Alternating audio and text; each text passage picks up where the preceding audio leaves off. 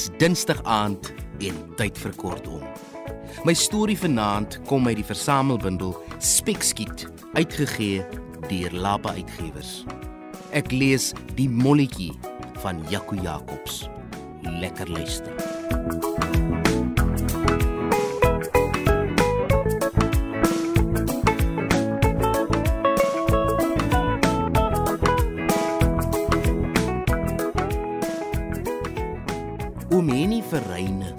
Vertel 'n storie nes hy die winkel se lorrietjie bestuur met rukke en stampe en met skerp draaie op plekke waar jy dit die minste verwag. En so gewillig as wat hy nog na al die jare is om smiddag die winkel afleweringe vir my pa te doen, net so gewillig is hy as dit kom by storie vertel. Ook dit dat ek vakansietye so graag saamry om vir Abraham te help by die afleierery. Lees eers bietjie vir my al die straatname waar ons moet aflei Bertman. Sê hom nie toe ons by die winkel se agterplaas uitgetrek het en gee vir my die afleweringsboek aan. In 'n klein dorpie soos ons in dring die mense nog daarop aan dat die winkel middag jou inkopies kom aflewer as jy dit self kan kom haal. Die afleweringslorry is vanmiddag so halfvol gelei met die gewone goed. Kruideniersware, bale meel en suiker, gasbottels, hout en antrasiet.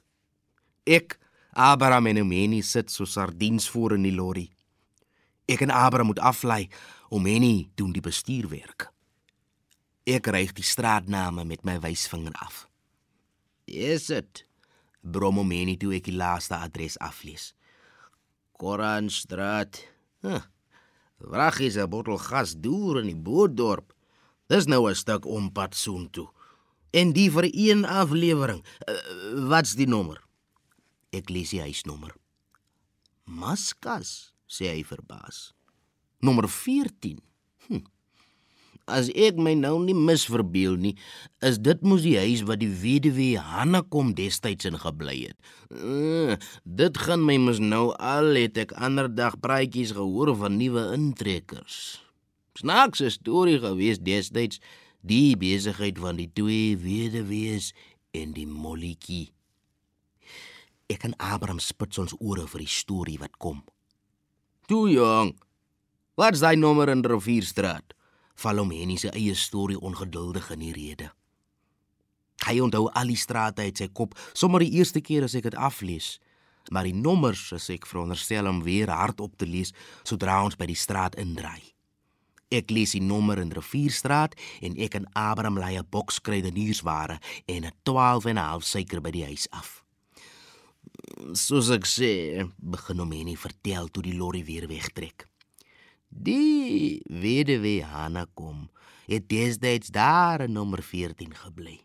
En langs aan haar, in Koranstraat 15, nog 'n weduwvrou, 'n Engelse Mrs. Cooper dink ek was haar van altyd nog 'n hele eend dis kan doodgaan gewees met te veel geld en te veel tyd en te min vir hulle hande om te doen. Die dat hulle toe met die tuin maak nonsies begin. Nou hier rond weet julle al maak mens mos nou maar nie uitspattig tuin nie. Paar peper of ringbome 'n lappie kikkeju en 'n akkertjie duisies in die lente is genoeg.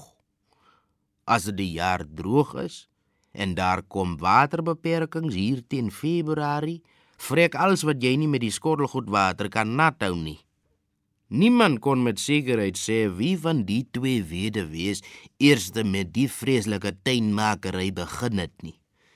Maar ek weet vir 'n feit, Mrs Cooper het eers 'n klomp roosbome van die stad se kwekery af laat kom. Met die trein nogal. Ek moes hulle vir haar van die stasie af aanry, deur die tyd toe ek nog my eie trokkie gehad het. Almal spierwit rose. Seker 'n stuk of 20 bome. Daai ou lady was ook nie skaam om te betaal nie, hoor meeste geld wat ek ooit vir so 'n klein jobbie gekry het. En hy roosboompies was duur. Die pryskaartjies het nog om die stamme gesit. Seker nie 2 weke nie. Toe kom vra die weduwee Hanna kom my om vir haar ook 'n vraggoed van die stasie af te bring. Vragtig ook 'n besending roosbome. Net so duur soos Mrs Cooper se, maar amper 2 keer so baie.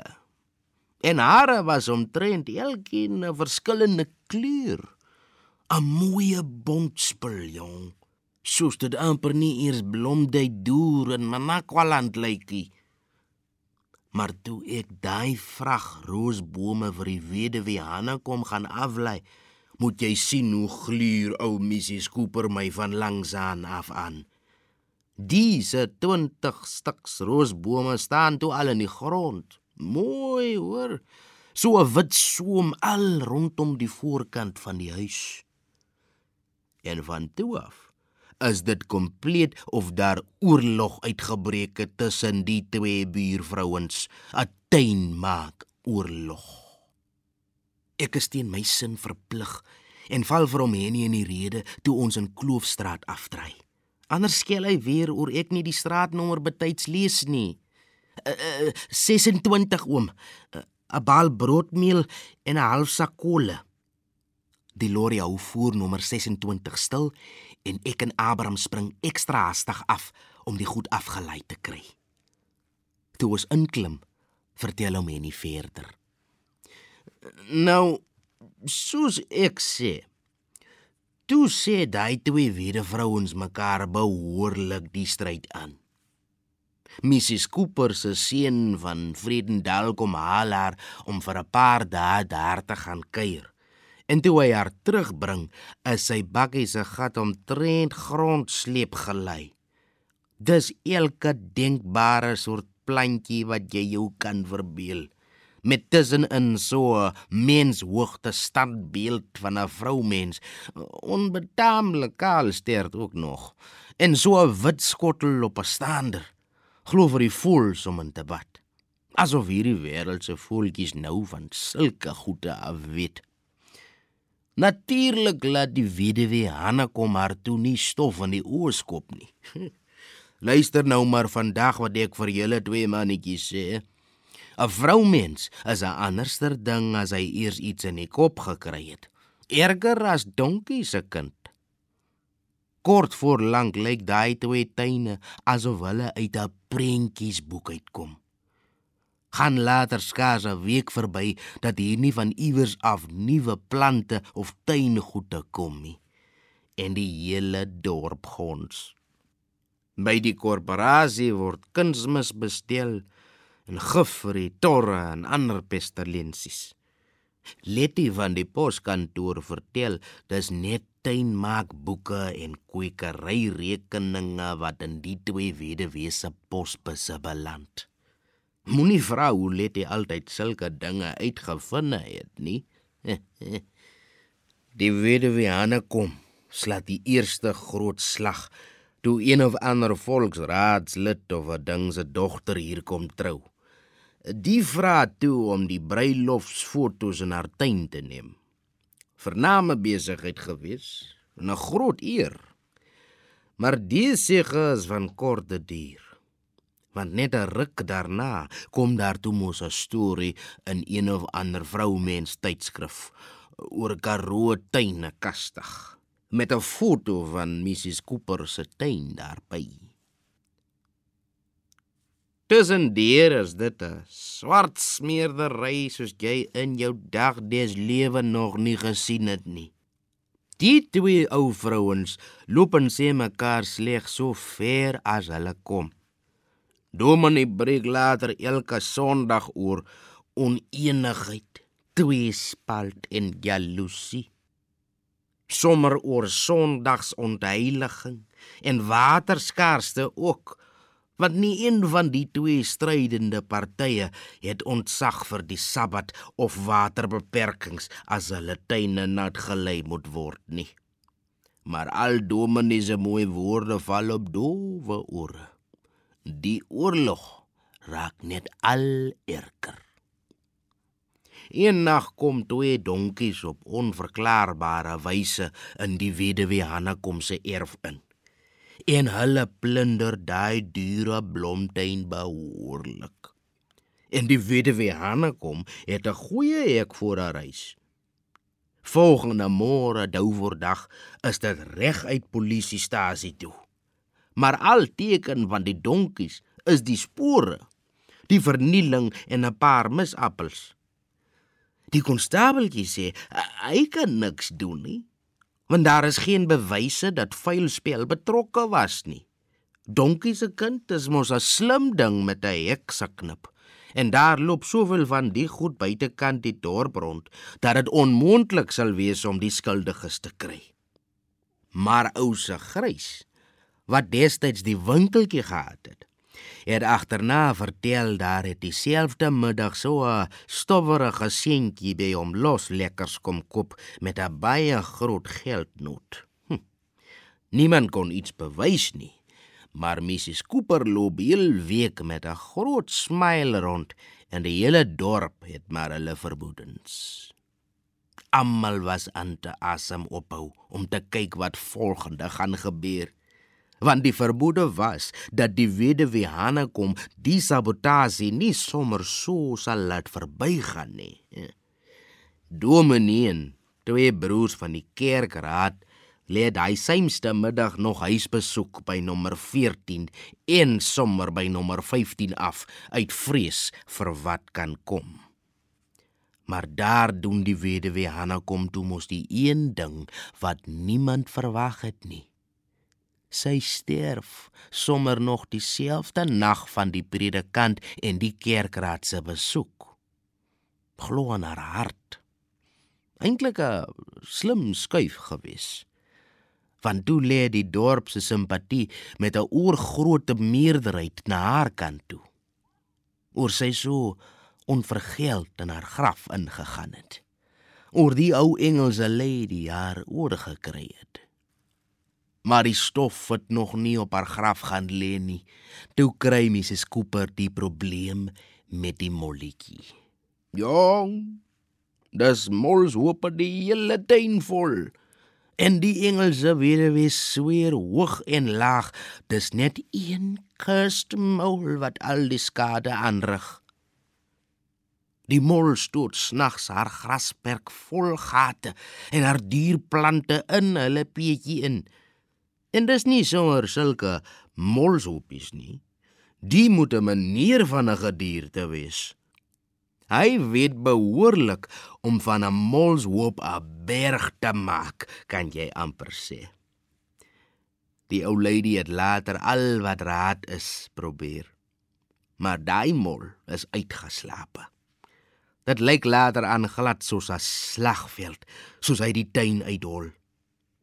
Party van daai duur roosbome kantel sommer so skief van die grond in en vrek en ek het met my eie oë gesien hoe 'n stuk van haar tuinpaadjie ingesak het oor dit so holles aan die onderkant. En toe hou die dorp op met praat oor die twee weduwee se stryery. Die dorpie is mos lief vir praat. Maar as sulke goed gebeur, draai mens liewerster jou kop ander pad. Party kinders het nog gewaag om te sê Dis daarom toevallig dat die mol so woes begin tonnel en stoot het die oomblik toe die weduwee Hanne kom en die grond weggebere is. Maar hulle is so meer stil gemaak. Mens bepraat nie sulke dinge nie. Ek en Abraham sit met opgehoue asem toe hom hierdie skielik op vertel. Tog net nie weer een van daai stories wat sommer so in die middel ophou nie. Ja, julle sit in slaap alweer, skelomeni. Hier's ons in Koranstraat. Ja. Vragdag nes ek gesê het. Nommer 14 is die weduwee Hanne kom se ou huis, die ene met die gewel. Snaaks, ek het nog nie die nuwe intrekkers ontmoet nie. Hoop hulle het kinders dat die skooltjies se getalle daarom weer 'n hupstootjie kan kry toe. Wat ginne gap julle so, die bottelgas. Ek en Abraham spring uit om die swaar gasbottel af te lei. Terwyl ons die bottel indra, bekyk ek die indrukwekkende huis in die tuin wat ek al baie keer van tevore gesien het met nuwe oë. 'n Mens kan sien die tuin was op 'n tyd baie mooi, maar nou is dit erg verwaarloos. Nou ja.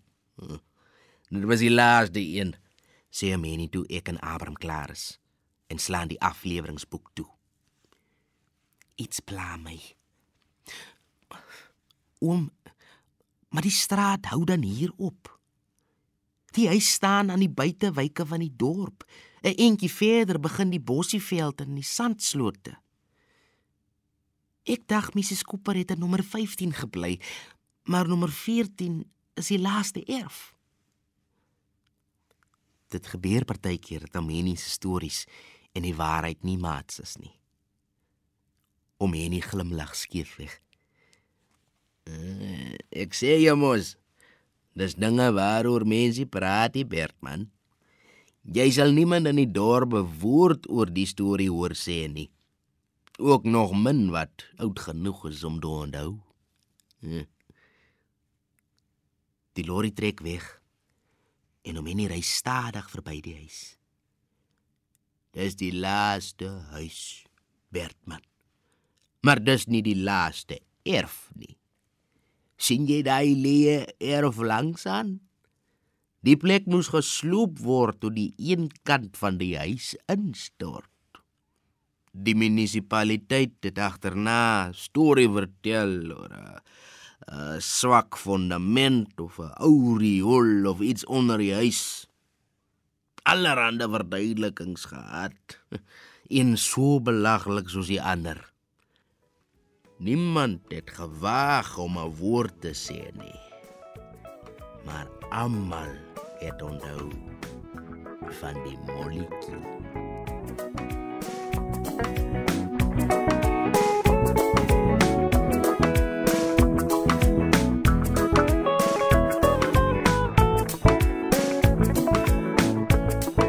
Dit was die molletjie deur Jaco Jacobs. Baie dankie weer eens vir al die terugvoering en saamluister.